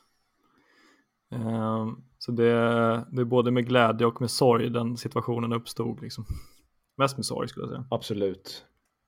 Ja, absolut. Uh, I början så tänkte man ju att det var Giovinazzi som, som, som tog platsen av honom, men så var det faktiskt inte, utan Ferrari hade ju en, en, en plats som de skulle få i teamet och uh, så det var ju liksom klart att uh, Giovinazzi skulle få köra. Leclerc var ju redan på väg till Ferrari, så det var ju Räikkönen som tog tog Marcus plats. Men också så här, om det, om det är någon man ska bli av sin plats till så varför inte Räikkönen? Eller hur? Det är alltså den dagen han slutar köra kommer ju vara ledsamt. Det känns ju som att han går bort. Men eh, vi får mm. hoppas han fortsätter med någon annan sport som man kan titta på honom. Ja, eh, jag, jag tyckte det var jäkligt trist när Alonso la av 2018. Eh, mm faktiskt. Han, var ju, han är min favoritförare på griden faktiskt mm. Eh, just nu. Jag tycker han är, eh, han är otroligt, eh, Eh, han, är, han är otrolig ibland i, i sitt sätt att vara och köra framför allt, men också hans man, man, man fuckar inte med Alonso, alltså han, eh, han säger ifrån. Han, eh, jag, jag kan gilla hans attityd, den är rolig. Jag tycker speciellt hans sista race i ja, inom citationstecken då, eh, sista race i, på Abu Dhabi då när, när hans eh, ingenjör då säger att så här, det, du kan få du kan få en poäng 15 sekunder fram och han är typ så här I already have 1000 points I don't need one more typ. Ja. Jag tycker det var ett roligt svar. Så att, eh, eh, jag tycker han är stört skön. Så det, det, är kul att han är tillbaka verkligen. Det är kul att han är tillbaka och jag gillar en människa som har en självdistans till sig själv och till sporten. Ja, men han är väldigt eh, han är nog väldigt svår att ha som teammate skulle jag säga. Ja. Han är nog den värsta teamkamraten man kan ha. Så det är så mycket, det är så mycket eh, psykologiskt så fulspel där tror jag. Som, ja. ja, absolut. Stackars Ocon. Ja, stackars Ocon. Mm. Ja, det är skitkul. Um, och sen så en annan sak som förvånade mig i eh, kvalet, vilket också dök upp i racet, är skillnaden mellan Aston Martin-bilarna. Lance mm. Stroll mm. kvalade tionde och du har Sebastian Vettel på artonde. Mm. Det är eh, superintressant. Du fick ett, eh, under racet blev det också straff på Vettel, 10 sekunders tillägg. Det är någonting som säger mig att Vettel har en inlärningskurva på den bilen. För Lance Stroll känner ju igen konceptet från fjolåret. Och, och mm. Vettel måste börja lära sig bilen och köra den. Liksom. Ja, förutom, ah, man kan ju säga så här. Han kom ju sist om man räknar bort Haas, för man kan inte räkna med Haas tycker jag. Exakt. Så han kollar sist, kan man nästan säga. så är det. Uh... Precis, jag är förvånad för du har ju två stycken Williams-bilar som är ovanför. Alfa Romeo var ju jättekassa i fjol. De ligger på 12 och 14 plats i kvalet. Mm. Um, så Vettel har en uppförsbacke. Det är väl egentligen ett bevis för att Ferrari-motorn i år är bättre. Att, eh, det, alltså Alfa Romeo blir ett kvitto på det egentligen. För att jag, jag ser inte vad det är Alfa Romeo har gjort med sin bil som är så himla annorlunda. Utan det är ju bara att motorn fungerar bättre. Som gör att de är lite högre upp i listan i år. Ja. Uh, jag skulle vilja påstå att Ferrari-motorn har gjort en förändring slash framsteg. Uh, och det tror jag också på grund av alla de diskussioner som fanns under tiden Marcus Ericsson körde Alfa Romeo att man hade lite testsekvenser, om man säger så, eh, på Alfa Romeo som ett team. Att man kunde testa vissa saker som hände där i Alfa Romeo. Mm. Och de sakerna är då Ferraris motorpaket där man testar lite saker. Så att absolut, Ferrari-motorn har nog eh, fått sig en skjuts på, på, en, eh, på en hel del olika sätt. Men Carlos Sainz, alltså ändå kvalar in på åttonde. Eh, det är inte superbra. Alltså, det är en ny bil, absolut, för honom att lära sig. Eh, men mm. Daniel Ricciardo hoppar också in i en ny McLaren och kvalar in på sjätte plats. Så att, ja. ja, men sen så, alltså Leclerc kvalar ändå in rätt bra på en fjärde plats tycker jag jag tycker att Leclerc gör ett jävla stabilt jobb där. Alltså. Alltså, han är i Q3 sen är han, vad är han efter? Han är efter en, ja, en 7-10 eller någonting. Jag menar under förra året så kunde de ju vara över en sekund efter ibland, pole, tycker jag. Man kunde känna ibland med Ferrari. Så att, eh, men det är som du säger med mm. Alfa Romeo, de är ju lite som Toro Rosso där, Alfa Tauri heter det ju numera, att de är ju lite, lite försökskaniner för, för det riktiga teamet eller vad man ska kalla det för. Um, så, det, så är det ju såklart. Men uh, annars så tycker jag väl att uh, uh, Pierre Gasly gör ju också en jäkla insats i, i, i kvalet. sen så vart ju hans race pannkaka totalt när han eh, ja, mm. i princip kör sönder sin egen vinge tycker jag när han åker in i Ricciardo tror jag det var. Förmodligen får han väl skador på golvet och det krävs inte mycket skador på golvet för att du ska tappa rätt mycket downforce och så bilen blir instabil liksom. Så jag tycker att ja, racet var ju ingenting att hänga i julgranen precis, men eh, jag tycker han gör ett jäkla bra kval faktiskt, Pierre Gasly i Alfa Taurin. Han är ändå Mm. Han är ändå femma framför båda McLaren-bilarna och Ferrari eh, i Carlos Sainz. Eh, så tycker jag det, det, är riktigt bra gjort alltså. Det är sjukt bra gjort. Det är en Alfa Tauri-bil som ska vara liksom botten av mittfältet ungefär. Och så kvalar in på mm. femte plats och slår Ferrari och slår liksom gamla Renault, Alpine Renault.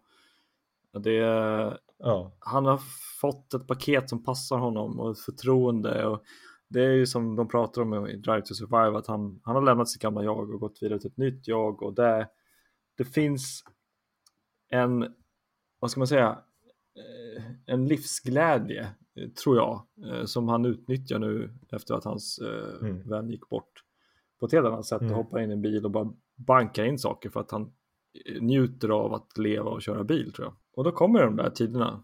Ja, men jag tror också det. Jag tror att han, han inser så här, Ja, men jag tror han har insett så här, som han själv sagt, liksom, att shit, jag, jag kör fan Formel 1. Jag, jag ska njuta av det här. Eh, det är liksom en ball mm. grej och jag tror att där hittar du eh, Återigen, det här med självförtroende är, är viktigt. Den psykologiska aspekten, den syns inte. Det är en abstrakt grej det här psykologiska, men det är ju så jäkla viktigt i, inom all idrott egentligen, det psykologiska. Det är bara att man ser inte det på tv så att man glömmer bort det. Men du kan ju liksom bli en, eh, en så mycket snabbare förare bara du är på rätt plats i huvudet. Ju. Det är ju så. Exakt. Och vi måste nog lyfta upp det där som har hänt eh, med Pierre Gaslys artikel, att han skrev en sån väldigt djupgående och ärlig artikel. Mm. Det, min övergripande helikopterperspektivet på det här säger att det händer någonting med förarna nu för tiden, tycker jag, det är min helt subjektiva åsikt, att eh, jag tror det har startat lite med eh, Norris och eh, Sainz i McLaren. Mm. Att mm. förarna visar en typ av personlighet, ett tugg, en attityd och en humor som jag tror fanns på 70-80-talet. Eh, James Hunt, Nicky Lauda och den här mm. typen av vad ska man säga, självdistans och eh, en viss sarkasm och eh, en viss attityd till motorsporten som är, som är annorlunda. Eh, att Norris och Sainz hade det, skapade en, en typ av atmosfär, att Ricciardo alltid har, har haft den att, liksom, pratglada personligheten, att han visar sin personlighet. Mm. Eh, samma sak som Hamilton, mer och mer ju äldre han har blivit, har öppnat upp och varit mer tydlig med sina personliga åsikter på Instagram etc.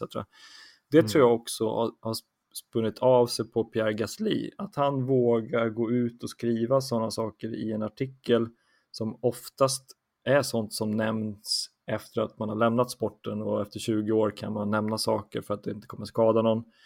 Mm. Jag tror det har skett en lite förändring senaste åren att eh, racingförarna vågar vara mer personliga som man var lite förr i tiden och för att man inte har det är inte zero fucks given från Gasly men det är lite så här, ja men jag jag har ju varit igenom eh, en av de tuffaste utmaningarna i livet och jag tänker faktiskt fortsätta ha kul nu när jag kör Formel 1-bil. Ja. ja, men verkligen. Jag tycker också att man börjat se att Formel 1 tycker jag har saknat det att det är lite personligheter i sporten. Att, att det inte bara är, det är nästan så att så här, ibland så är förarna har lika mycket personlighet som bilarna nästan tycker jag. Alltså man rent historiskt sett tänker Ja. typ så här, men så här Guido van de Garde och de där lirarna liksom. Det, det var, kändes bara som en, som en eh, grå kuliss nästan, eller som en, eh, vad heter det? Som en skugga bara. Eller man, man kände liksom inte, man, kände, man lärde inte känna förarna på något vis. Liksom. Exakt. Men eh, jag tycker också att det, det har blivit en annan attityd i att man, man bjuder lite på sig själv, man eh, har lite personlighet och jag tror att det, det är så jäkla viktigt att folk ska bry sig om sporten, att man känner förarna lite grann. Det har ju också den här Drive to Survive hjälpt till med, att, att lära känna förarna, se så det här är, det här är eh, liksom eh, personer som är i vissa fall rätt sköna liksom. Och um, det gör väl att Mazepin får en extra stor backlash då, med tanke på Exakt. han, har ju inte, han är ju inte populär om man säger så med tanke på vad han har haft för sig på, in, på internet och så vidare.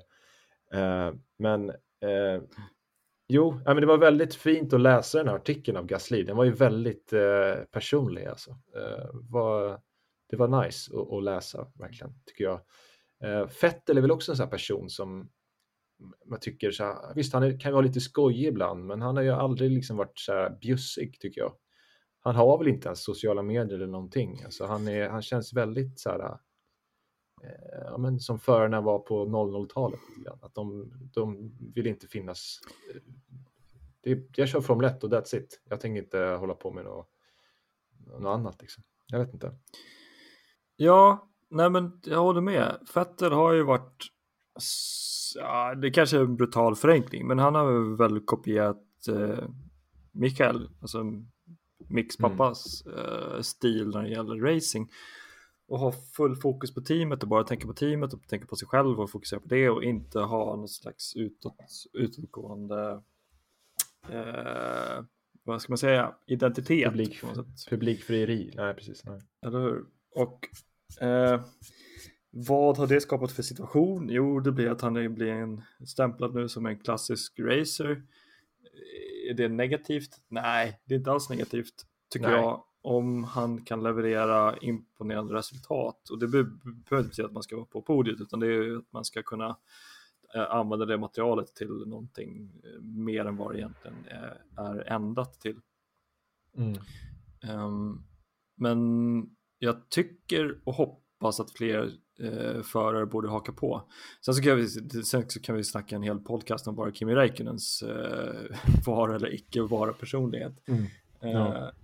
Men oavsett hur han än gör och hur han än svarar på journalisternas frågor så, blir, så skiner ju hans personlighet fram.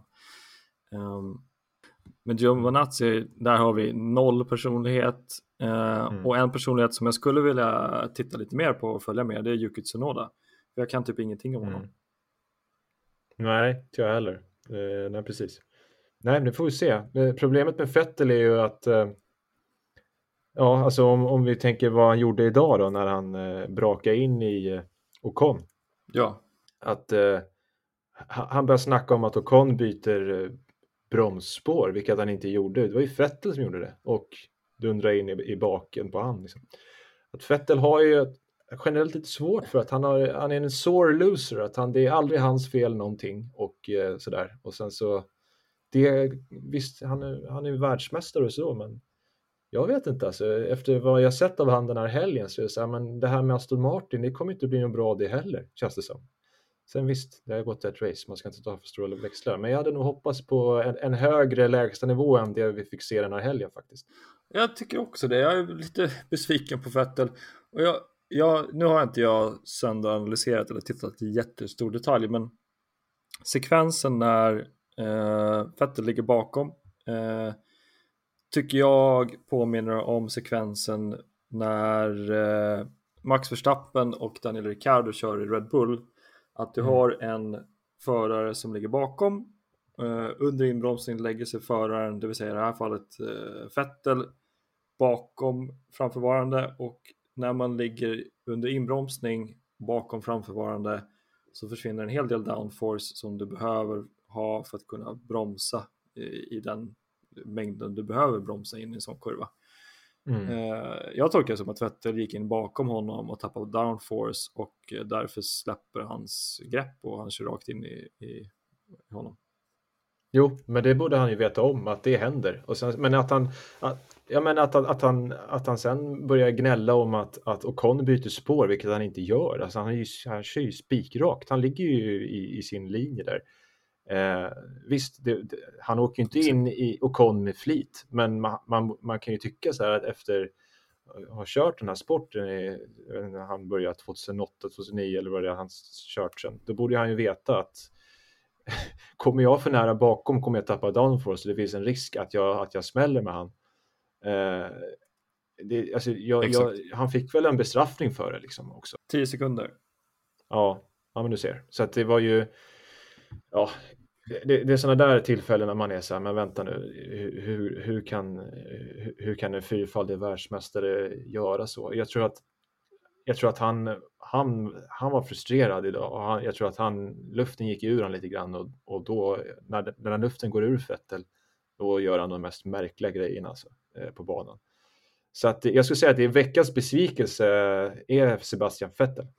Ja, det känns som att en liten, vad ska man säga, en, en puff av eh, Sebastian Vettel 2019. När han spann mm. runt på Monza och höll på liksom.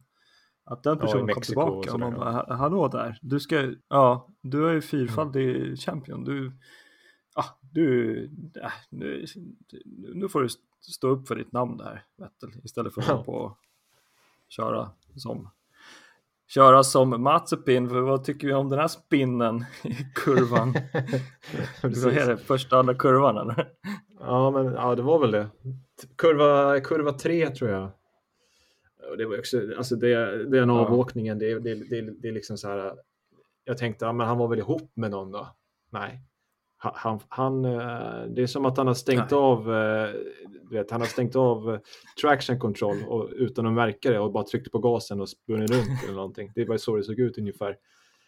sen så mm. hade ju Schumacher en, en, liknande grej uppe i kurva 4 där han lite grann höll på att tappa bilen på samma sätt. Det känns som den där bilen är ju svårkörd också såklart, men nej, man kan inte göra sådär, mm. alltså, att, man, att man spinner loss på man är ju, man är ju soffexpert och så vidare. Men jag, jag, jag, jag, jag ställer fan lite högre krav på de här grabbarna än att de ska spinna runt av egen, eh, egen maskin. Det tycker jag, det, det, jag kräver nog ändå att man inte gör det. Alltså. det visst om någon kör in i en eller något sånt där, men det där var ju för dåligt alltså. Ja, men alltså jag tänker så här. Du har kommit in i Formel 1. Du har fått en utmaning. Du har pengar med dig. Du kan liksom det har till och med liksom varit med och nästan strukturerat om ett team så att det ska byggas ungefär ut efter dina flaggas färger etc. etc.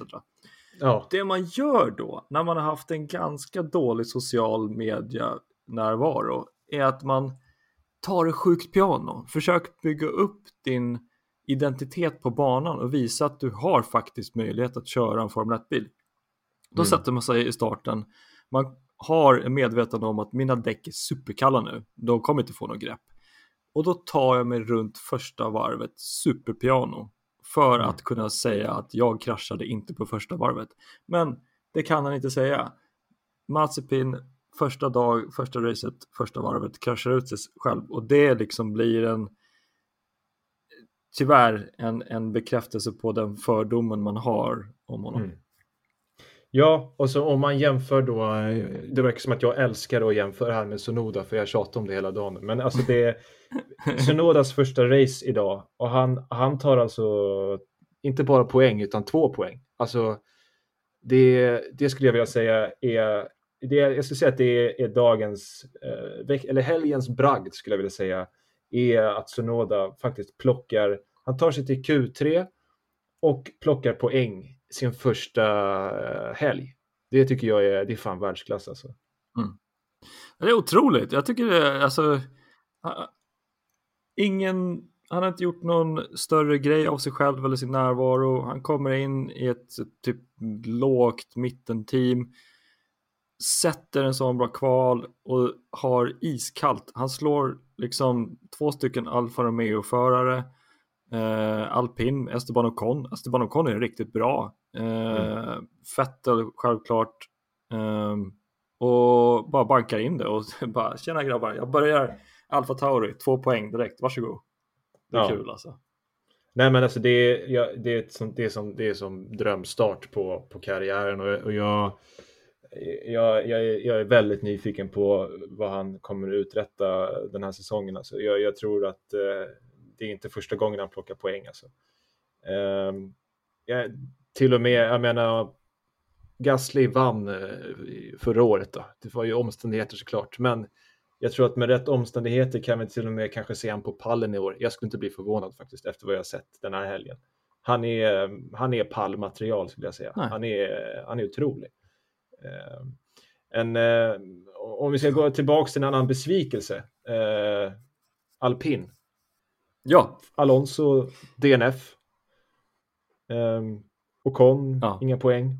Eh, de, de bara såg beige ut. Eh, Alonso kvalade okej okay ändå, nia, men alltså nej. Alonso har i och för sig själv sagt så här, strunta i det här året, det är nästa år som gäller, men ändå, alltså det är, så här dåligt får det inte vara tycker jag. Alltså, mm. Det är ett fabriksteam det här. Det, det, får inte vara så här dåligt. Ja, det, nej inte ett fabriksteam, alltså då måste man ändå ha koll på bakbromsen om jag minns rätt pajade. Jag, ja. det, det, och på den här banan att få bakbromsen att paja, jag tror inte det har att göra med en hög temperatur. För att, nej, jag, jag, ser ingen liksom jag ser ingen klar orsak att man kan skylla på någonting med till exempel en hög temperatur och hög belastning och, och etc. etc. Det, det måste bara varit dålig kvalitet. Jag, ja, alltså det, är ju... är en stor besvikelse. Ja, det är ju ingen annan som har haft bromsproblem vad man har hört i alla fall. Precis. Det är bara, det, det, är en fransk bil låter det som. och ja. um, nej, så att uh, Alonso är, det, det, det, det är jäkligt kul att Alonso är tillbaka på griden. Det vill jag bara säga alltså. Men uh, mm. Fan, det, det, det, känns trist om Alonso ska göra en Schumacher och komma tillbaka och liksom floppa. Uh, alltså jag tänker på Michael, Michael Schumacher i, i Merca. Det, det, Precis. Eh, jag hoppas lite mer att, det, att han ska kunna utmana. Men jag tror att jag tror att vi har fått ett seniort team i nuvarande griden. Alltså vi har Fettel som är i en ganska medioker bil. Vi har Kimi Räikkönen som är en ganska medioker bil. Sen har vi Alonso. De här tre gamla gardet ungefär eh, mm. som jag tror lite medvetet kör i Formel 1 för att de tycker det är kul och för att de får vara med i, i Formel 1. Liksom. Jag, ja. jag tror in, ingen av dem har en, vad ska man säga, ett hopp eller förståelse eller en, en, eh, en möjlighet att ta sig upp på pallen. Men det här gamla gardet tror jag, jag tycker är lite roligt att de är med och utmanas av att de är ett eh, lågteam eller så här, vad ska man mm. säga, lägre mittfältsteam och de tycker ändå lite mysigt och så här, åh, fan vad kul, nu kör vi Formel 1 igen liksom. Ja, jag tror att det är så med Räikkönen och Alonso, men jag tror inte Vettel tänker så. Jag tror att Vettel förväntar sig att han, han tänker sig att han sitter i ett team nu som ska utmana om pallplatser. Jag tror inte Vettel är intresserad av att bara sitta i, i en Formel 1-bil. Eh, faktiskt. Jag tror inte det. Mm. Jag, jag, tror att han, han är så pass tävlingsinriktad fortfarande att han vill jag tror inte han förväntar sig att vinna VM, men jag tror också att ja, han förväntar sig att ta poäng i alla fall. Och tar han inte poäng så kommer han ledsna ganska snabbt. Ja, det är nog sant. Han vill upp dit. Uh, Racing Point hade väl lite möjlighet att försöka satsa på pallplatser, men rätta mig om jag fel, det vart ju inte, det vart ju mer en, en chansning till en pallplats än en möjlighet eh, i fjol. Tror jo. Jag. Jo, men de var ju ändå där, alltså de, de hade ändå speed, alltså de, jag kan ju tycka att de förtjänade väl eh, nästan att ta den där tredjeplatsen sett till säsongen. Eh, sen var det McLaren som knep det, men jag tycker att eh, förra året de var extremt bra alltså. Eh, de var bra med. Jag tycker Stroll som jag, jag generellt sett är lite tveksam inför också skötte det rätt bra förra året faktiskt om man ska vara ärlig. Han var ändå med där. När, när, när, när eh, Perez hade bra resultat, då var inte han långt efter ändå. Alltså. Eh, jag tänker på när Perez vann, var inte han på pallen då också, Stroll? Och eh, ja, jag, jag, jag ser, Aston Martin är ju ändå ett team som, som jag eh, räknar med mer än så här vi fick se idag, alltså. Att man inte är på att man inte är på poäng. Alltså det förvånar mig faktiskt. Ja, men jag håller med. Jag trodde faktiskt att Aston Martin skulle vara ungefär på ja, Alfa Tauri nivå. Stroll tog ju för sig en poäng här idag då, men det var ju precis. Alltså Räikkönen var inte långt efter, två sekunder efter bara. Så tia kom Stroll då, men Fettel vart ju varvad. Ja, jag menar, det, ja. Jag vet inte om, eh, om, om eh, Racing Point har varit varvade förra året, men det vart de med idag i alla fall. Men annars så, men annars så tycker jag Norris gör det riktigt bra idag också. Alltså best of the rest om man säger. Ricciardo också sköter det bra tycker jag. Jag menar det är första racet. Han, han gör vad han ska. Han, eh, visst, han är 20 sekunder efter Norris, men ah, ändå. Det är lite inkörningsperiod. Det är en helt annan bil än Renault. Eh, det, det är nog annorlunda liksom. Men jag räknar med att Ricciardo ska utmana Norris i år verkligen. Det kommer bli sjukt kul att följa den här striden. Dels för att man tycker att de är sköna människor och dels för att man tror ändå att de båda två är sjukt snabba. McLaren har ju ett ganska bra paket och ja, nej, det ska bli... Min egna uppfattning är att Ricardo trivs ganska bra i den där bilen ganska snabbt. Så det kommer mm. bli superkul att se vad han och Norris hittar på. Verkligen, verkligen. Jag, jag, varit, jag hade lite högre förhoppningar. Jag tänkte att de skulle vara där och fighta som pallen idag. Eh, men det var de ju inte helt enkelt. Eh, de var inte i, närheten skulle jag säga av att fighta som pallen. Man såg redan efter ett par, alltså tre, fyra varv där att de låg 12 sekunder efter och då kände man så ah, okej, okay, nej, jag, jag, hade, jag hade någon förhoppning om att de skulle vara med och, och utmana, eh, ja men i alla fall Bottas kanske. Eh, men riktigt så såg det inte ut idag. Sen kan det ju vara annorlunda mm. såklart framöver under säsongen, men ja. Jag tycker, de, jag tycker de får godkänt ändå eh, utifrån vad de gjorde idag. Det var bara att jag hade nog högre förhoppningar på dem just för att de såg starka ut på testerna som man såklart ska ta med en nypa salt. Men ja. Nej, det ska bli kul att se utvecklingen. Ja, nu är det ju tyvärr ingen race på tre veckor här. Eh... Eller hur? Tre veckor. Vad, vad, vad, vad gör vi nu då? Nu hade vi hade ju kul idag. Vi vill ha mer kul. Ja, det är ju eh, för mig det som jag ser fram emot mest är ju MotoGP på Losail i Qatar. Snyggt. De kör en runda till där. Um, ska bli spännande att se. Uh, sen vet jag inte när, uh, när Indycar drar igång igen, vet du det? Vi har Indycar 18 april. Birmingham, Alabama, Barber. Ja, det är ju samma helg. Det är samma helg. Det är samma helg då som uh, Imola, ja. Mm. Det blir kul. Det blir en racinghelg där. Absolut. Uh, fin, fin bana. Mm. Jag är jag vet inte, vad, vad är, hur känner du med Indycar? Tycker du om ovalracingen mer eller gillar du roadracingen? Vad föredrar du? Där? Alltså, jag har ju tittat i förhållandevis, eller under perioden Marcus och Felix har kört i Indycar så har jag kollat på det. Ehm, men, och jag har inte bestämt mig om jag tycker om roadracing mer eller ovalbanor. Jag gillar ju dock att Marcus gillar ovaler och Uh, om jag tolkat rätt kommer han satsa lite mer på ovaler i år och kommer försöka naila dem. Um, så att mm. jag har historiskt sett varit lite så här, oh, lite mediokert uh, engagerad till ovalbanor. Men mm. de kan vara rätt kul tycker jag. Det är liksom fart och det är svårt att få bilen att gå balanserat och bra. Så det kan vara lite kul att följa ovalbanor. Har du någon? Ja, alltså jag, ja, ja men jag föredrar ju roadracingen framför, alltså när det kommer till Indycar faktiskt. Sen såklart eh, Indy 500 är ju, är ju alltid kul att kika på också, men äh, jag vet inte, jag tycker det är sådär när de åker runt på Texas eller var de är någonstans. Jag tycker det är lite sådär, mm. ah, Visst, det, det, det är ju spännande mot slutet. Det är lite grann som Nascar. Det är en, det är en jäkla transportsträcka.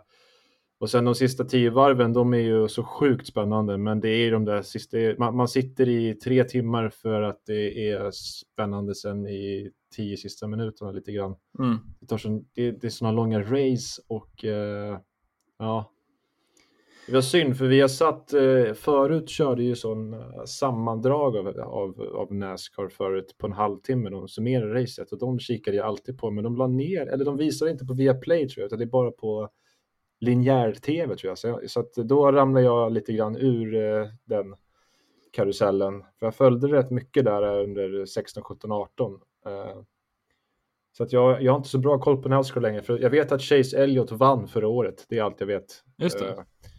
Men annars är det en ganska, det, det, det, det är ganska ball racing alltså. Det, det är inte bara att åka runt i cirklar som jag kan tänka mig att många har fördomen om att vad det är, utan det är extremt taktiskt och det är slipstream och det är det ena med det andra och ett misstag så sitter du i muren och kan smälla. Det kan ju bli, det är big one ibland till exempel på Daytona och sådär. Det, det är väldigt actionfyllt. Eh, så nej men jag, jag ska inte säga att jag inte tycker om att vara racing, men jag föredrar road racing absolut. Ja. ja. Det kommer bli sjukt kul att och följa upp och kolla upp i år. Eh, en sak som händer redan nästa helg är ju Extreme E. Eh, mm. Det är en helt ny serie, eldriven. Om man inte hört det förut så drar lite basics då. Eldriven eh, SUVs kan man säga.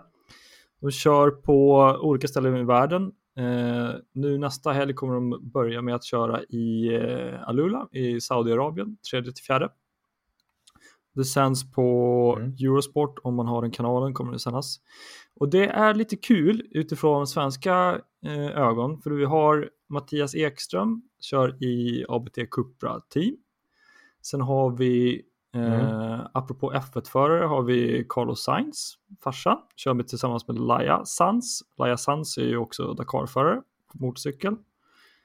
Mm. Eh, sen har vi i ett team som heter Andretti United, också kopplat till eh, Indycar om jag har fattat rätt. Eh, där i kör svensken Timmy Hansen och sen har vi jäkligt coolt i Jenson Buttons team, eh, Mikaela Olin Kutolinski som kör tillsammans med Jenson Button, F1-förare. Eh, det var som fan, det har jag missat. Fan vad fett. Ja, det är superfett. Och sen så inte, inte, inte slut där, utan Johan Kristoffersson som kör i Rosbergs racing team. För att eh, X44 är ju Lewis Hamiltons Extreme E-team och sen har vi eh, mm. Rosberg X-Racing. Eh, så att Rosberg och Hamilton fighten fortsätter i Extreme E. Väldigt coolt. Ja, just det. Men eh, hur, eh, det, det, är rally då alltså? Eller hur, vad, de kör, är det Dakar-inspirerat liksom? Eller hur, vad är... Vet du att det är ju tyvärr inte riktigt 100% i rallyt om man ska vara liksom i detaljerna för att de kör inte enligt en roadbook utan de kör en, en road course. Eh, så att de har en bana som de har utstakat i ja, eh, offroad eh, öknen. Eh, mm. om, om vi jämför det här med till exempel Dakar så är ju Dakar enligt en roadbook så du läser ju själv. Du ju, om du kör bil i Dakar så har du ju en nav navigatör och sen förare om du kör motorcykel så navigerar du och kör samtidigt eh, och då har du ju en roadbook som du läser med noter. Eh, Extreme mm. E är inte med noter och roadbook utan du kör en liten bana eh, mer eller mindre, bara rakt upp och ner. Den är utstakad då, så att du, du har, du har eh, ja, en, om jag har tolkat det rätt, om jag har fattat allting rätt så är det en snitslad bana som är offroad. Så det är lite rallycross fast eh, större, större yta kanske eller? Ja, eller hur? Så skulle jag väl ja. beskriva det. Så det är lite Dakar-cross kan man säga? Ja, men typ Dakar-cross. Med andra ord. Ja. ja. Men coola. Ja, just det. Ja, men jag kan tänka mig att det är elmotorerna som, som gör för begränsade lite grann, precis som med Formel E, att det är man får anpassa ban, banorna till bilarna lite grann kanske. Ja, men exakt. Alltså en elmotor tar ju en idag inte de här sträckorna som till exempel Dakar kör. Nej. Så det kan vara lite coolt. Men apropå Dakar så kör ju Extreme E i Senegal eh, och kommer gå i mål, om jag fattar rätt, så går de i mål på eh, i i Dakar, Lacrosse eh, stranden. Ja, men coolt. Så det kan man kika på. De kommer säkert sända på YouTube om man inte har eh, Eurosport och sådär. Men grymt. Mm. Då säger vi väl så att vi rundar av och eh, frekvensen på podden det blir väl lite att vi kör ungefär varannan vecka eller vid behov. Ja, det tycker jag låter bra. Har, vi, har det varit ett race så kanske man vill snacka om det. Ja, det, den, den, den kommer väl ut eh, åtminstone varannan vecka. Den, den, kommer när, den kommer när den kommer. Det är bara vi får uppdatera folk och så får de vänta idogt på något kul. Exakt. Exakt. Grymt! Superkul! Ja. Uh, ser redan fram emot nästa avsnitt. Ja, men det gör jag med Martin. Vi syns hörs. Ha det gott allihopa. Det gör vi. Hej då. Tja, tja.